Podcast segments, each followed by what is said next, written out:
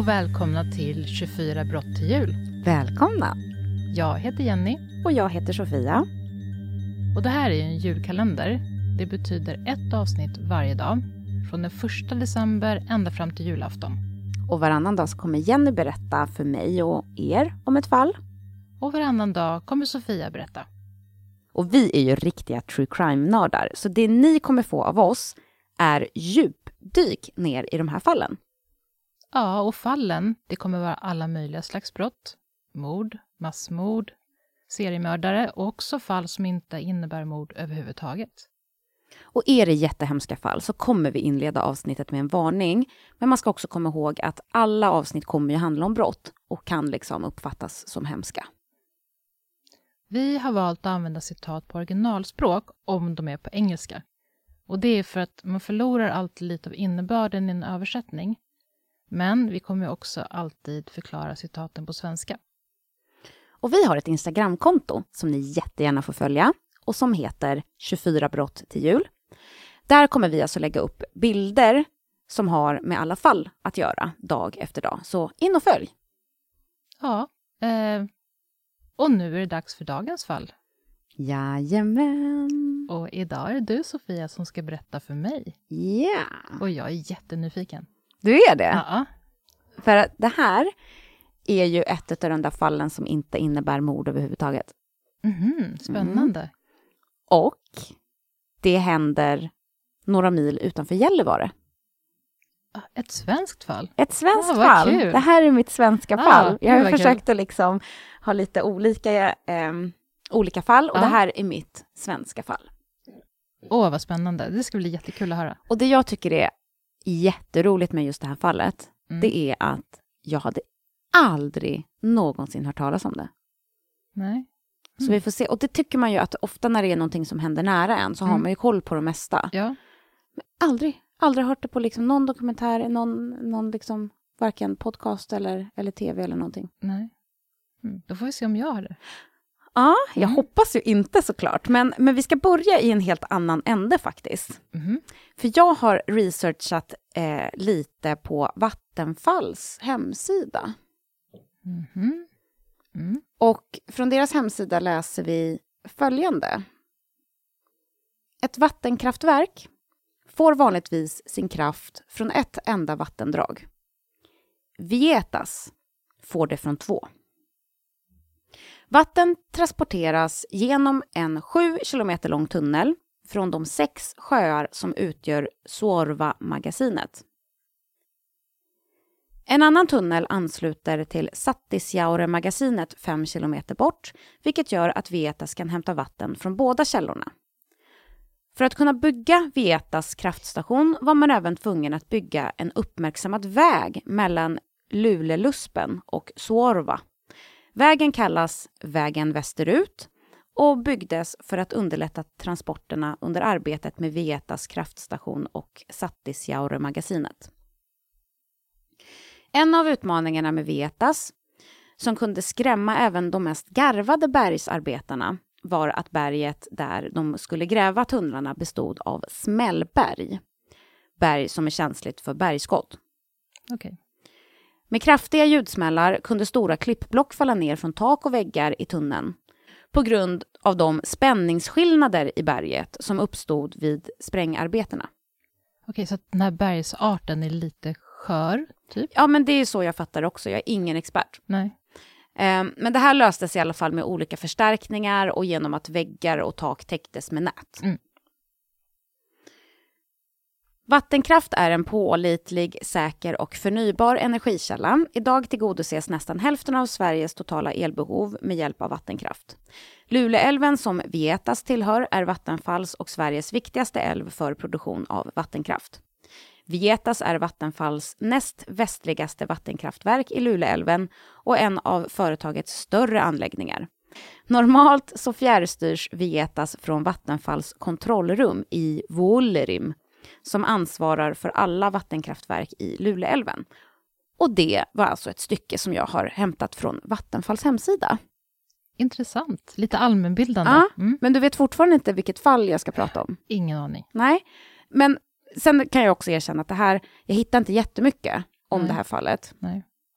Och därför så kände jag, precis som du, att lite allmänbildning kanske jag kan fylla ut med. Absolut. Jag hade liksom inte så stor koll. Så nu vet vi hur kraftstationen i Vietas fungerar. Mm. Eller, och hur andra funkar också. Ja.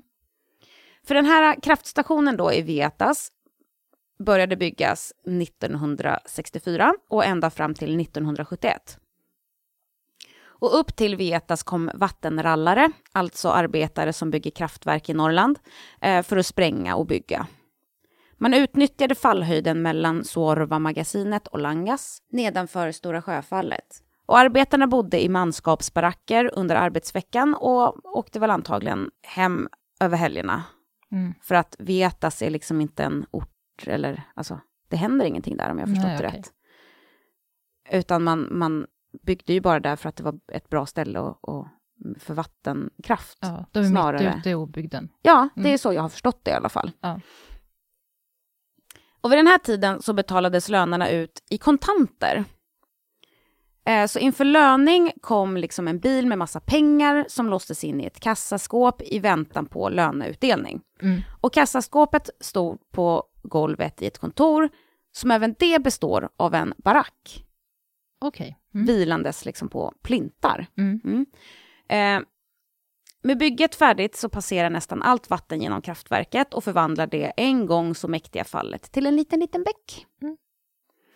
Men på Vattenfalls hemsida om Vetas så står det även något annat intressant. Okej. Och du ser så nyfiken ut. Ja, jag är så otroligt... Det här känns som att det är ett väldigt annorlunda fall. Ja, vi får väl se. Ja. Mm. Eller alltså för mig var det ju bara att jag aldrig hade hört talas om det. Nej. Det var ju det som var grejen. För här hände nämligen någonting ganska spännande för nästan 50 år sedan. Och nästa del har jag hämtat från Hemmets Journal från den 23 april 1986 och från Aftonbladet den 17 september 2013. Och det är två jätte, jättebra artiklar. Så jag valde liksom att klippa ihop texten så att det blev liksom en sammanhängande historia. Mm. Men, men jag, i stort sett ordagrant från antingen den ena eller den andra artikeln. Kan- Så jag kan inte ta cred för det här. Hur som helst så eh, säger då de här två källorna ihopslagna Mm. så här. Vid kraftverksbygget jobbar 600 anställda från hela Norrbotten. Byggplatsen ligger ensligt nära norska gränsen och det råder arktiskt klimat. För att vara säker på att komma ner till Porjus eller Malmberget vintertid, då får man köra direkt efter plogbilen. Byggjobbarna bor i baracker med 16 rum i varje och två vattenrallare i varje rum. Mm. En kocka och en vaktmästare sköter mat och praktiskt göromål. Några gånger i veckan kommer byggmaterial, livsmedel och förbrukningsartiklar med en lastbil. Den 21 april 1971 anländer avlöningsbilen till Vietas som den gör den 21 varje månad. Det är en av Vattenfalls bilar som kört från Vuollerim med löner till de 600 anställda. Imorgon är det torsdag och lönedag och då ska arbetarna få betalt för sitt slit. Den här gången väntas dessutom en extra stor lön. Okej. Kamren har nogsamt fördelat pengarna i valörerna enkronor, femmor, tior, femtiolappar och hundralappar. Totalt 541 000 i kuvert för respektive anställd. Mm. Det är tidigt på morgonen, torsdagen den 22 april 1971. Klockan fem på morgonen. Och det här är alltså dagen efter den här, Som det har kommit. Ja. ja, den här bi- bilen med pengarna har kommit. Mm. Va? När väktaren Gösta Andersson går sin runda vid kraftverksbygget i Vietas i Norrbotten så knarrar snön under fötterna. Termometern visar på cirka 17 minusgrader. Oj, det är slutet av april ändå. Mm. Mm. Kallt. Ja. Varje natt går Gösta runt kraftverksområdet och ett par svängar till avlöningskontoret. Men den här morgonen så är han sent i farten. En pump inne i tunneln har krånglat en mil från Vietas.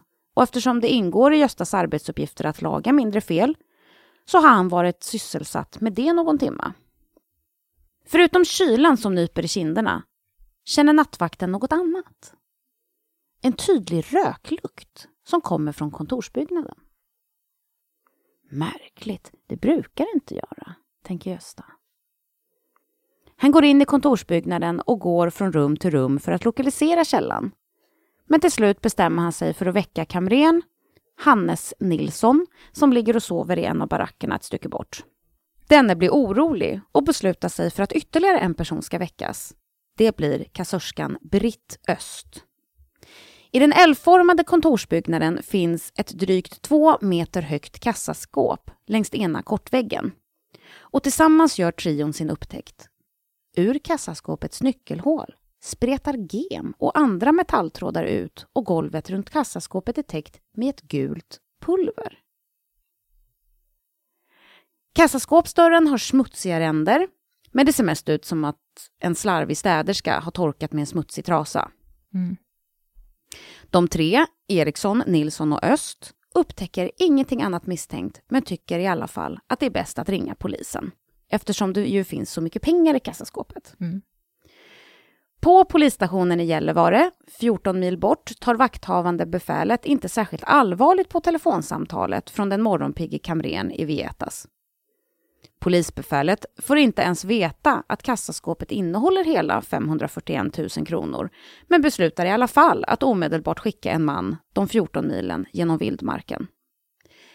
Men när polismannen anländer ett par timmar senare är det inte mycket annat han kan göra än att titta på kassaskåpet där någon uppenbarligen har varit och fingrat. Den här polisen tillhör nämligen inte den tekniska roten och har därför ingen rätt att öppna kassaskåpet utan måste tillkalla kollegor ända nere från Luleå, 35 mil bort. Oj, jösses. Mm. Polisen från Gällivare larmar tekniska roten i Luleå för att ta tillvara tekniska fynd. Polismannen och personalen på kontoret sätter sig ner för att vänta. Det är något förbryllande som har hänt. Alla undrar vad fotspåren bakom baracken ska betyda. Och metalltrådarna. Mm. Och det där gula pulvret.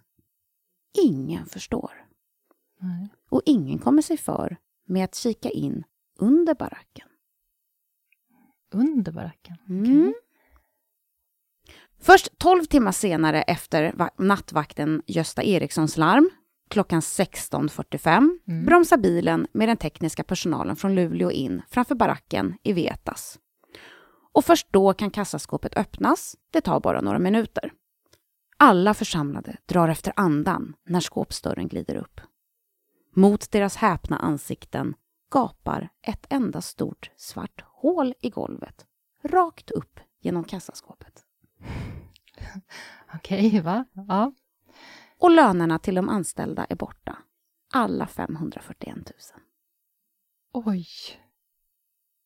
Alltså det här känns lite som Jönssonligan nästan. Och man har aldrig hört talas om det. Nej. Det är så Jösses, sjukt. Ja.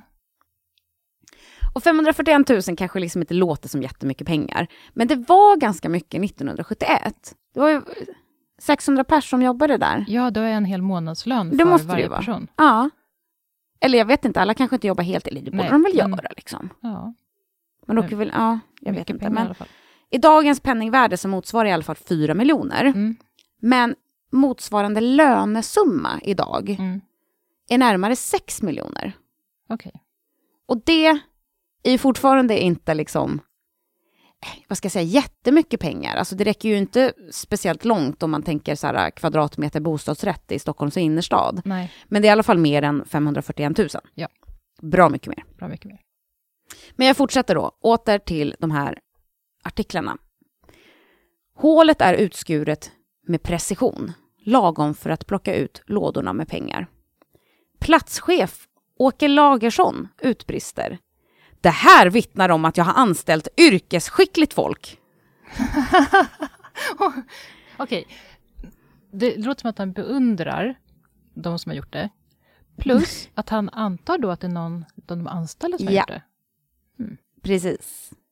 Men jag gillar också det, Ja. att man ändå ser det från det positiva ändå. Ja, verkligen. Kenneth Siljedal från Malmberget jobbade som chaufför i Vetas mellan 1970 och 1973. Morgonen efter kuppen är han trött. När han tittar ut ser han hur poliser och Vattenfalls anställda rör sig runt kontorsbyggnaden. Han undrar vad som står på, men är lite för trött för att bry sig. Jag kan relatera. känner så ofta. Mm. Kvällen innan har han varit och friat hos en tjej 14 mil från Vietas enkelresa. Och i artikeln så står ordet friat inom citationstecken. Och vad betyder det? Ja, men det är det jag undrar. Betyder det inte att han rent faktiskt har liksom friat som i att hej, vill du gifta dig med mig? Kanske uppvaktat? Ja, jag vet Eller inte. någonting helt annat kanske? Jag vet inte, men i alla fall. På väg tillbaka i vårnatten, nära kraftverksbygget, möter han en Volvo Amazon med en förare som kör som citat en vettvilling. Mm. Vattenfall är tidigt säkra på att kuppen är ett insiderjobb, Mm. som den här äh, platschefen då vittnar om. Ja. De utfäster en belöning till den som kommer med avgörande tips, men polisen tänker i andra banor. Vägen västerut spärras av. Gränsstationer och färjelägen larmas och poliser i helikoptrar söker i fjällvärlden. Mm. Samtidigt befinner sig gärningsmännen sannolikt i en bostadsbarack vid Vietas. Mm. Vad är det som har hänt då? då? Jo, tidigare på natten så måste då tjuvarna ha släpat gasoltuber, skärbrännare, såg, borrsväng och en brandsläckare till kontorsbyggnaden. Mm. Och gärningsmännen ålade sen 38 meter in under byggnaden. Vilken gigantisk barack. Ja, men jag tänker alltså jag tänker ju de här barackerna som man ibland ser, de är alltså 38 meter. Ja. ja, det var stort. Men jag tänker på de här bostadsbarackerna. Ja, Vad stod det? Det bodde 30, liksom 30 pers i varje barack. ja. Då tänker jag att de är ganska stora. Ja. ja det måste de vara. men med skärbrännaren då så skar de ut ett hål i golvet och kassaskåpet och sen plockade ut pengarna. Mm. Listigt nog så hade någon i förväg slagit in en 7-tums spik genom golvet precis framför kassaskåpet. För att veta vart det var. Ja, Mm. för att kunna känna igen underifrån. Ja. Från marken till golvet så var det 40 centimeter ungefär. Det är inte mycket. Nej, jag tänker att man kan ju inte vara klaustrofobisk Nej, och usch, det krypa där där skulle jag 38 aldrig vilja meter. göra. Nej, fy alltså. Och jag funderar också på, måste man krypa med huvudet upp eller kan man vända sig? Ja, om man är lite, ganska småväxt kanske, eller ganska... Alltså jag tänker man kan inte vara jättebredaxlad, alternativt Nej. måste man vara lite vig. Alltså jag vet inte. Nej. Det är svårt att heller. föreställa sig. Jo, jag, bor, jag hade nog kunnat vända mig Du hade 40 kunnat vända dig. Jag är inte så bredhöftad. Nej, och du är akrobatisk. Det också. Mm. Men det står i alla fall i den här artikeln att det var inget behagligt jobb. Nej. Och det tror jag säkert vare sig man kan vända sig då på de här 40 centimeterna eller inte. Nej. Det kan jag nog skriva under på. Mm.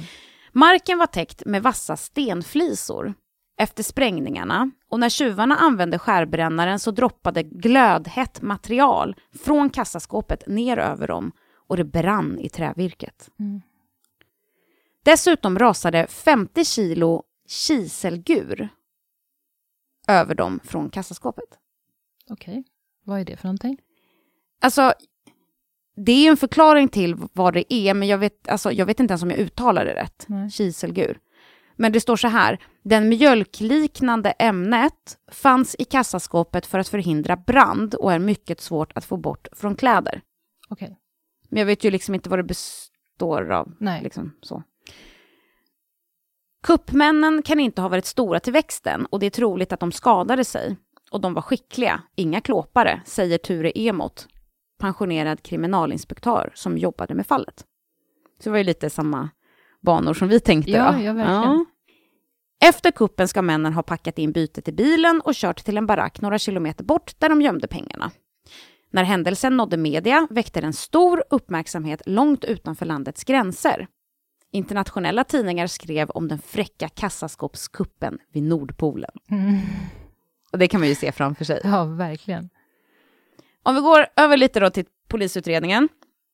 De kör ju igång på en gång, men ändå något försenat då med tanke på att de inte ens upptäckte liksom stölden Nej.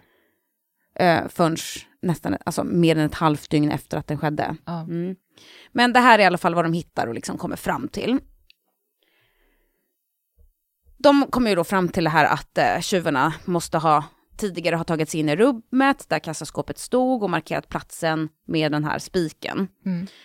Ja, och sen att de mitt i natten har krypt under huset, hittat spiken, vetat att de är på rätt plats och sågat igenom golvet och tagit sig in i kassaskåpet underifrån med hjälp av skärbrännare och vinkelslip. Polisens tekniker hittar fingeravtryck, handavtryck och cigarettfimpar. Jaha, som att de har legat där under och rökt? Alltså... ja, eller jag vet inte. Alltså de tror ju också att det är fler än en gärningsperson. Okay. Så det kanske är någon som håller utkik och står och röker utanför. Ja, det är sant. Som Men behöver hur- stå och vänta en ganska lång stund. Men hur man då vet att det är en gärningsperson som har stått och rökt och inte bara... Vem som helst. Ja, Mm. jag vet Ja. inte. Men det låter ju otroligt att man ska ligga där med 40 centimeters eh, rum mellan mark och, och golv och se, ligga och röka. Ta en paus här, 15 Ja. meter in. Det låter, halvvägs lite, det låter framme. lite märkligt. Ja, jag vet Ja. inte. Men så här står det också. I en container hittades skor med spår av kiselgur. Mhm. Det var ju det här ämnet, Ja. mjölkliknande ämnet. Men de tekniska fynden ledde ingenstans och skorna försvann under utredningen. Jaha, där ser man. Och det Lite- undrar man ju vad, vad det var. Slarvades bort eller Ja. blev stulna eller vad då? Ja. Jättekonstigt. Eh, många arbetare förhördes utan att man hittade något konkret. Polisen fick tips. Det var någon som hade drömt något. Och andra märkliga uppgifter, men inget konkret då, säger Ture Emot. Och efter de här tipsen, det leder i alla fall till att man tar in massa människor till förhör. Men få av tipsen liksom leder utredningen framåt. Kuppen var extremt väl genomförd och det hade förmodligen planerats under en längre tid. Efter en tid förklarar spaningsledningen att eh, de är tämligen säkra på att kassaskåpskuppen är ett insiderjobb Mm. utfört av någon som arbetade vid kraftverksbygget. Mm. Alltså till skillnad då, alltså till en början så hade de ju gjort de här avspärrningarna och så. Ja, men det, efter att de har undersökt det här lite då, så kommer de ju fram till att det antagligen är ett insiderjobb. Ja. Slutsatsen lyder att ingen utomstående skulle kunnat komma undan med kuppen. Okej. Men polisen har för dåligt med bevisning och fallet blir kallt. Mm. Man skulle ju kunna tro att rutinerna för löneutbetalningarna liksom skulle ändras efter det som hänt. Mm. Men redan veckan därpå så lastades ytterligare 541 000 kronor i kontanter Mm. i en vanlig personbil från banken i Vollerim. Två anställda från Vattenfall utrustades med gevär och en chefer vaktade sedan bytet hela natten. Okej. Så tisdagen den 27 april så fick slutligen vattenrallarna sina försenade löner. Och om det nu är ett insiderjobb Mm. så fick ju även gärningspersonerna sin lön. Ja, det fick de ju. Ja. Mm. Efter kuppen utfäste Vattenfall en belöning för tips som skulle kunna leda till att fallet löstes med klent resultat. Men om den eller de skyldiga till Vetaskuppen skulle träda fram idag, vad skulle det innebära och skulle de riskera att få betala liksom skadestånd? Med årtionden av ränta. Jag hamnar i fängelse och... Mm, citat står det så här då. Vattenfalls utgångspunkt är att kräva dessa personer på återbetalning av de stulna pengarna. Vi får utreda de juridiska möjligheterna om det blir aktuellt, säger Magnus Kryssare, pressekreterare vid Vattenfall AB. På Vattenfalls hemsida så står det att kuppen, citat, var en infernaliskt smart genomförd kupp.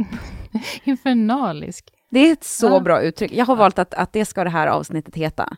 En infernaliskt smart genomförd kupp. Bra namn. Bra namn. Det är direkt hämtat från Vattenfalls hemsida. Who knew? Och det får man väl liksom tycka vad man vill om, men hur som helst så höll de det här förspringet som de skaffade sig med de här äh, metallbitarna i låset. Ja. För det är det man tror, att de hade liksom tryckt grejer in i låset för att få liksom ytterligare lite försprång. Okej. Det här försprånget har de hållit ända till idag. Mm. För brottet blev aldrig uppklarat. Åh nej. Och 1981 Mm. så blev det preskriberat.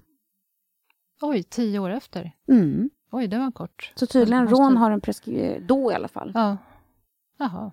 Tio år. Så nu skulle de kunna träda fram och säga det var vi. De skulle ju det, men jag tror också att det där som eh, citatet som jag hade från den här eh, pressekreteraren vid Mm. Vattenfall, Ja, som sa liksom att vi får utreda de juridiska möjligheterna. ja, Det är från en artikel som är skriven efter ja. 1981. Okej, så det kan vara så att pengarna blir de krävda på ändå? Jag vet Nej. inte. Alltså att... Jag tänker att det finns nog ändå en anledning till att inte träda fram. Ja, För det är nog inte som att det är så här, nej, ingenting skulle hända. Nej. Utan antagligen så skulle det kanske några slags rättsliga åtgärder, försö- alltså att Vattenfall skulle försöka. ja Liksom. absolut. Mm. Jag vet inte. 2012 då, så ges det ut en bok som heter Vietaskuppen, eller Vissla inte på norrskenet. Okej. Och författaren är den undersökande journalisten Dan Larsson. Och från Adlibris sida om boken så står det så här. Vetaskuppen har han, alltså Dan, följt från början i april 1971. Han jobbade i gruvan vid fronten i Malmberget med sprängning, skrotning, lastning, laddning. En underjordsarbetare visste inte om han kom upp levande från skiftet. Man var nästan alltid rädd. Larsson bytte yrke men behöll sprängkortet till presskortet. Han anser att skriva en roman om Vetaskuppen skulle ha varit omöjligt utan erfarenheten att jobba vid fronten under jord. Den kamratskap och jargong som präglade tillvaron är kanske inte något för en språkvårdare. Men fortfarande söker han upp gamla arbetskamrater på stamfiket i Gällivare, Malmberget och trivs med omgivningen. Hans typ av folk. Mm. Boken om Vetaskuppen och dess personligheter är till stor del hämtat från verkligheten. Men inte helt. Nej, och det är det som jag har hämtat från Adlibris, och Mm. slutcitat. Men den är så baserad på en sann händelse. Och Ja. hade det varit rent eh, en dokumentär, eller vad man Ja. ska säga, då hade jag ju använt det som research. Men jag har alltså Ja. inte läst boken. Nej. Nej, men det är ju svårt. För att hur ska vi veta? Vi måste ju skriva fakta. Och hur ska vi veta vad som är vad? Nej men precis. Och, jag, jag vill ändå ta med det, för jag Ja. tyckte så här, jag, jag tror att boken är jättebra. Den, Den verkar spännande. spännande. Ja. Ehm, Men tar du med den på Instagram 24 brott till jul? Ja, ja men det kan jag göra. Ja. Absolut. Men vi får gå vidare. För när brottet preskriberades 1981 så lämnades förundersökningen ut av misstag med namn på två personer som pekats ut som de som låg bakom kuppen. Oj, hoppsan. Oj, oj. Eh, och det upptäcktes redan efter tio minuter, men då hade några journalister redan tagit del av uppgifterna. Mm. Utredningen visade att polisen hade många indicier mot männen. Bland annat hade en rumsgranne vaknat av att det bullrade i männens rum, samma natt som kuppen. Mm. I den ene mannens garderob så hittades också en brandsläckare och en vattenslang, något han aldrig använde i jobbet. Nej. Männen beskrevs som kortväxta och smala nog att kunna ta sig in under kontorsgolvet och hade plötsligt fått mycket pengar att röra sig med. Det är lite misstänkt. Det är li lite mycket som hände här. Enligt då Ture Emot så finns det en handfull personer som vet vilka de misstänkta var. Citat. Många säger att de vet, men att de inte har någonting att komma med. Men vi som jobbade med utredningen, vi vet, Mm. säger han. Polisen ville göra en husrannsakan i bostadsbaracken, men dåvarande åklagaren Nils Savonen vägrade. Varför då? Ja, det står så här, han tyckte att bevisningen var för tunn. Mm. Och då får de inte gå in. Nej, och jag tänker så här, för det jag tror det är att om man nu kommer fram till till exempel att det måste vara ett insiderbrott, Mm. då tänker man ju att då måste det finnas något i någon av barackerna. Ja. Men då får man liksom inte bara gå in i alla baracker, utan man måste ha en specifik Person. Misstanke. Mm. som man liksom misstänker. Ja. Eh, så man får inte bara liksom utifrån den slutsatsen att det måste vara ett insiderbrott, så får vi söka igenom alla baracker. Ja, okej, vad synd. Ja, det är det ju, men, Men, också ja. liksom, man kanske är glad om man har, vill ha sitt privatliv. Ja, faktiskt. Men den här Ture Emot, han säger så här. Tvärsäkert säger han. Hade vi fått göra en husrannsakan hade vi kunnat gripa de skyldiga och löst brottet. Ja. Så vilka var de här då, hjärnorna bakom Vetaskuppen? Och hade de några medhjälpare? Att det var ett insiderjobb utfört av två vattenrallare är Ture Emot övertygad om. Kunskapen om rutiner och lokalkännedom skvallrar också om ett internt jobb. Mm. Efter kuppen jobbade de båda männen kvar ett antal månader. Sen flyttade båda söderut. Männen som idag är i 60-årsåldern, Ja. och det här var alltså 2013, Ja. så 65 då, ungefär, Ja. Mm. lever socialt välordnade liv enligt EMOT. Jag tror att det är i övrigt ärliga, ostraffade människor som såg chansen att bli rika, säger han. Mm. Många gånger har Ture Emot grämt sig över att brottet aldrig klarades upp. Men släppa på sin hemlighet tänker han inte. Dessutom har ingen dömts och han vill inte göra sig skyldig till förtal genom att peka ut någon som inte är dömd. Nej. Visst vore det skönt om det klarades upp, men det är inte min uppgift. Jag tar hemligheten med mig i graven, säger den 87-årige Ture Emot. Mm. Trots att brottet grov stöld preskriberades 1981 och de inte riskerar något straff har de som gjorde kuppen aldrig trätt fram. Nej. Ryktesspridningen har mestadels skett i det tysta. Inga namn nämns högt. Vattenfall är inte omtyckta i Norrbotten. Det kan ha bidragit till att männen bakom Vetaskuppen sågs som hjältar, säger Dan Larsson, den här journalisten och författare från Ja. Malmberget som skrivit boken Vetaskuppen eller Vissla inte på norrskenet. Mm. Många beundrade kuppmännens skicklighet och fräckhet. Det var så jävla smart gjort. Det var ingen människa som skadades och det var bara staten som förlorade på det. Ingen fattig, säger Kenneth Siljedal. Mm. Okej. Mm. Men det där med att det skulle vara ett insiderjobb Mm. är alla inte helt överens om. För 40 år efter Vetaskuppen så skriver Peter Johansson en artikel i Norrbotten-Kuriren där han intervjuar den före detta kriminalinspektören Harry Bäcklund. Mhm. Och jag läser i stort sett till även här. Jag har bara tagit bort de styckena som, vi liksom, som beskriver brottet, för det har vi ju redan kikat på. Ja. Och artikeln är från den 21 april 2011 Mm. och lyder som följer. Under alla år har det spekulerats i vem som utförde kuppen. Ett antal sanningar har också lanserats kring det idag mytomspunna brottet vid vägen västerut. Harry Bäcklund, 80, som under dryga 40 år arbetade uppe i Malmfälten som polis, avslöjar nu en helt ny verklighet om kassaskåpskuppen. Han är säker på att den utfördes av personer som kom utifrån. Kriminella proffs. Mhm. En teori som går tvärt emot vad som tidigare sagts. Det är mer kompetenta personer än vad som fanns i Vattenfalls rullor som har gjort det här, säger Harry Backlund när Kuriren träffar honom på ett café i centrala Piteå. Det syns tydligt på den förre kriminalinspektören hur viktigt ämnet är för honom och att han har längtat efter att berätta. Men han är inte helt säker på vad han kan delge och skruva på sig när hans sanning om Vetaskuppen ska offentliggöras. Harry Backlund vill helst inte trampa på några tår. Han pekar dock på stora brister i utredningsarbetet. Bland annat gick rikslarm ut först 12-13 timmar efter kuppen. Mm. Citat. Vi fick höra att vi skulle avvakta, men jag kunde inte hålla mig. Ska vi sitta här och rulla tummar när en halv miljon är på väg att rulla bort? berättar Harry Bäcklund.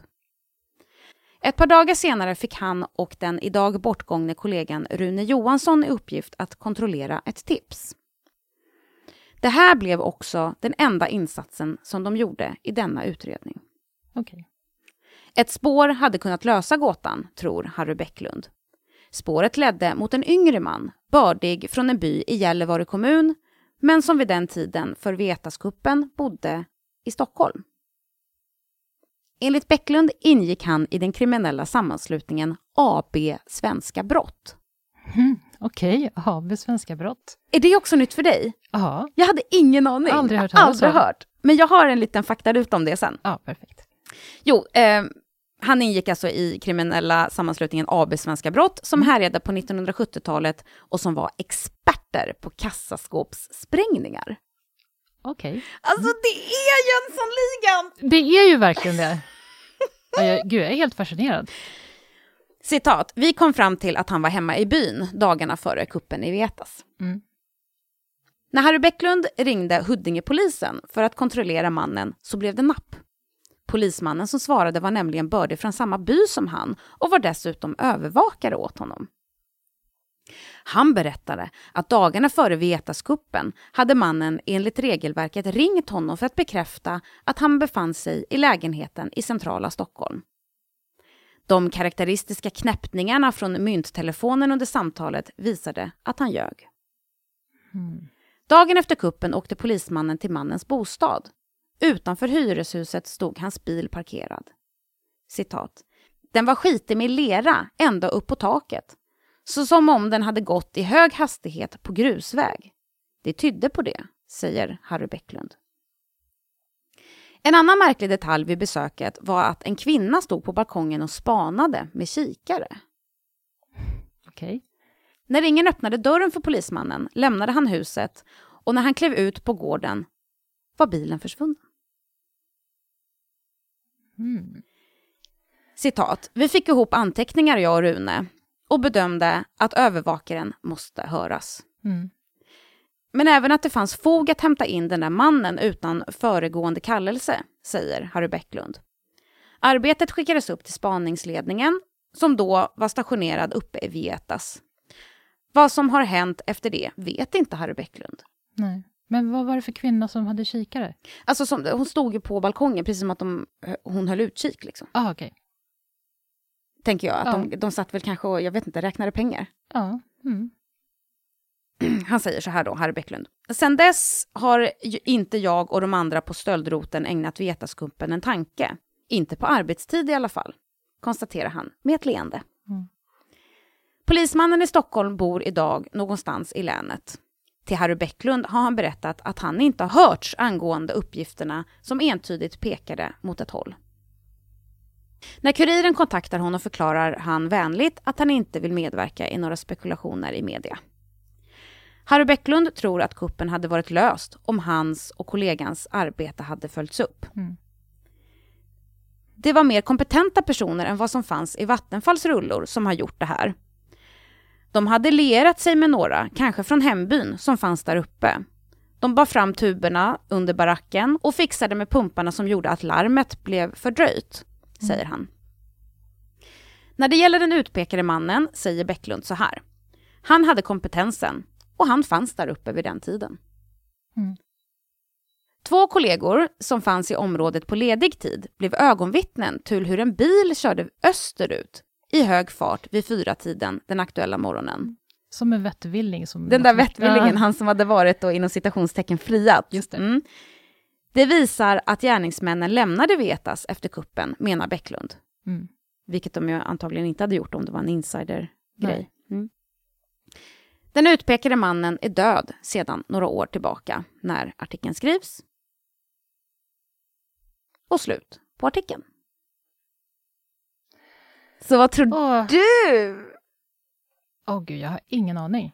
För först så tyckte man ju att det lät som ett insiderjobb. Ja. Men jag tänker så här att, att kommer man utifrån, Mm. skaffar man sig då liksom inte en insider minst? Det kan ju vara liksom en mix. De måste ju veta vart allting finns. Och hur, Ja. Alltså vart kassaskåpet finns. Ja. Eh, kanske lite tankar om hur man ska ta sig in. Och de måste ju också tagit sig in vid ett tillfälle först för att få i den här spiken. Mm. Och hur kom de in då? För dörren måste ju ha varit låst, antar jag. Ja, det vet jag inte. Nej. Det är så svårt att spekulera. Ja. Det är jättesvårt att spekulera. Mm. Men ska vi prata lite om AB Svenska Brott? ja, det ska vi göra. Det tycker jag absolut.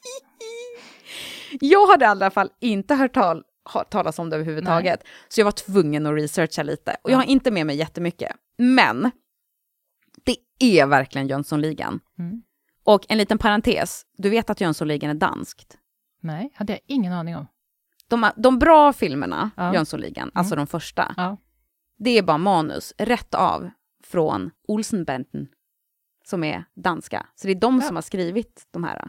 Hur Ja. många Olsenbanden-filmer som helst. Det hade jag ingen aning om. Och Norge har gjort sin egen variant Aha. och Tyskland har gjort sin egen variant. Ja, det ser man. Ja, Ja. så du fick, fick ni den också. Ja. I alla fall, AB Svenska Brott är alltså ett kriminellt gäng som fick det namnet av media under 1960-talet, så det var ingenting de kallade Nej. sig själva. I gänget var det en rad legendariska brottslingar som hade helt fantastiska namn. Lyssna på det här. Mm.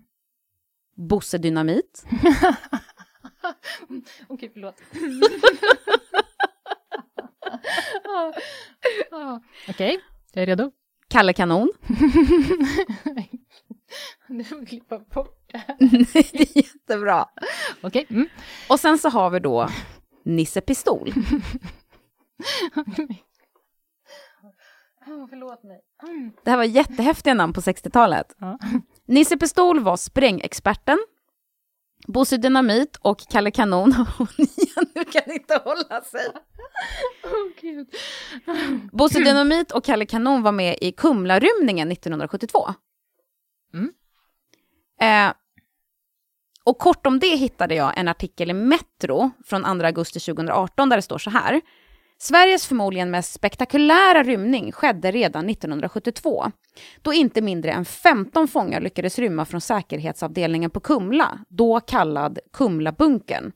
Kända brottslingar med smeknamn som Bosse Dynamit och Kalle Kanon samt Sveriges meste brottsling Lars-Inge Svartenbrandt var några av dem som lyckades rymma vid tillfället.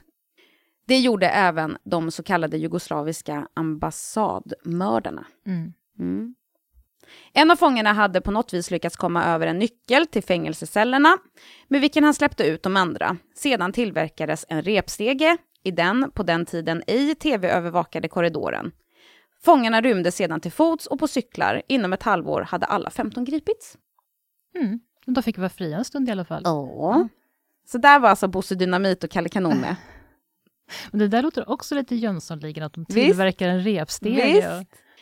Men jag har också en liten annan faktaruta. Mm. Och det är eh, Riffifi. Mm. För det här, jag tror nämligen att en Riffifi-kupp är ju när man tar sig in genom taket. Ja. Eh, men jag tror också att man liksom, att det har liksom spridit sig, så man nu, även när man tar sig in genom typ golvet Ja. eller typ en vägg eller någonting, att det också innefattas i liksom eh, Riffifi. Okej. Och där har vi ju bland annat då helikopterrånet 2009 mot liksom G4S värdet på, där rånarna landade med en helikopter då på taket och så, så tog sig in genom taket med, med hjälp av liksom stegar ner Mm. och stal 39 miljoner svenska kronor. Ja, Eh, men sen har vi ju också konstkuppen mot Moderna Museet 1993, just det. där konstverk värda cirka 500 miljoner stals. Mm. Och där hade ju liksom rånarna också då tagit sig genom taket. Ja. Så att det har ju skett lite spektakulära Riffifi-kupper Ja. i Sverige. Och det här var ju bara två av fler. ja, ja, visst. Men den här har man ju liksom inte hört talas om. Nej. Nej Vet du varför det heter Riffifi-kupp? Ingen aning. Det är från en fransk gangsterfilm från 1950-talet. Ja. Och jag har skrivit ner, jag vet att du kan franska, så jag har skrivit ner titeln där, så kanske du kan få läsa det. Aha, är det här titeln på filmen? Ja, Eh, du rififi chez les hommes. och vad betyder det? Det betyder typ männen kom genom taket. Ja, ja men det låter ju som eh, en Riffifi-kupp, Ja. helt enkelt. Mm. Eh, för den, den handlar om, liksom, också Jönssonligan. Jag kanske ska kalla det här för den riktiga Jönssonligan Ja, eller något. faktiskt. Ja. För det som är så roligt är liksom att det är en kille som kommer ut ur fängelset, Mm. hookar upp med sina gamla rånarpolare igen, Mm. och de bestämmer sig för att göra inbrott i en juvelerarfirma och tar sig in genom taket. Okej. Men jag har inte mer. Nej, Det var Men- liksom det. fast det var ju mycket. Det blev ganska mycket ändå. Mycket och spännande. Ja, Och annorlunda. det var ju det. Jag tycker det var så här, jag är helt förvånad över att man inte har hört mer. Jag skulle vilja ha en P3-dokumentär om det här. Jag med. Där de kan prata med människor som kan berätta mer. För jag har ju bara hämtat det här från artiklar. Eller hur? Det skulle man vilja höra. Ja. Så hashtag P3-dokumentär. Precis. Men jag tänker också på att alltså, det är ju hemskt att stjäla pengar. Det är Ja. absolut. Men alltså, jag blir ändå lite glad för att det, de uttrycker sig på så roliga sätt också med vettvillingen och vad var det mer? Den här, han som berättade om Ja, men han som var så, åh, jag har, eh, att han hade anställt... anställda. ja, precis. Skickligt folk som han hade anställt Ja. som lyckades göra såna här fina hål Ja. genom ett golv. Ja. Ja, nej jag tyckte, vad roligt att du, för jag var liksom, man blir ju alltid osäker. Man tänker ju att man borde ha hört talas om det, liksom, de mesta spektakulära eh, rånen i Sverige, eller Ja. brotten, fallen. Ja. Men det här visste jag ingenting om och jag tyckte det var jättespännande. Det var jättespännande. Kul, jag hoppas att ni som lyssnar tycker det också. Tack snälla Sofia. Ja men tack själv. Ska vi säga hej då och säga att vi hörs imorgon? Ja, och tack ni som har lyssnat. Tack så mycket. Ja. Hörs imorgon. Hörs imorgon. Hej då! Hej då!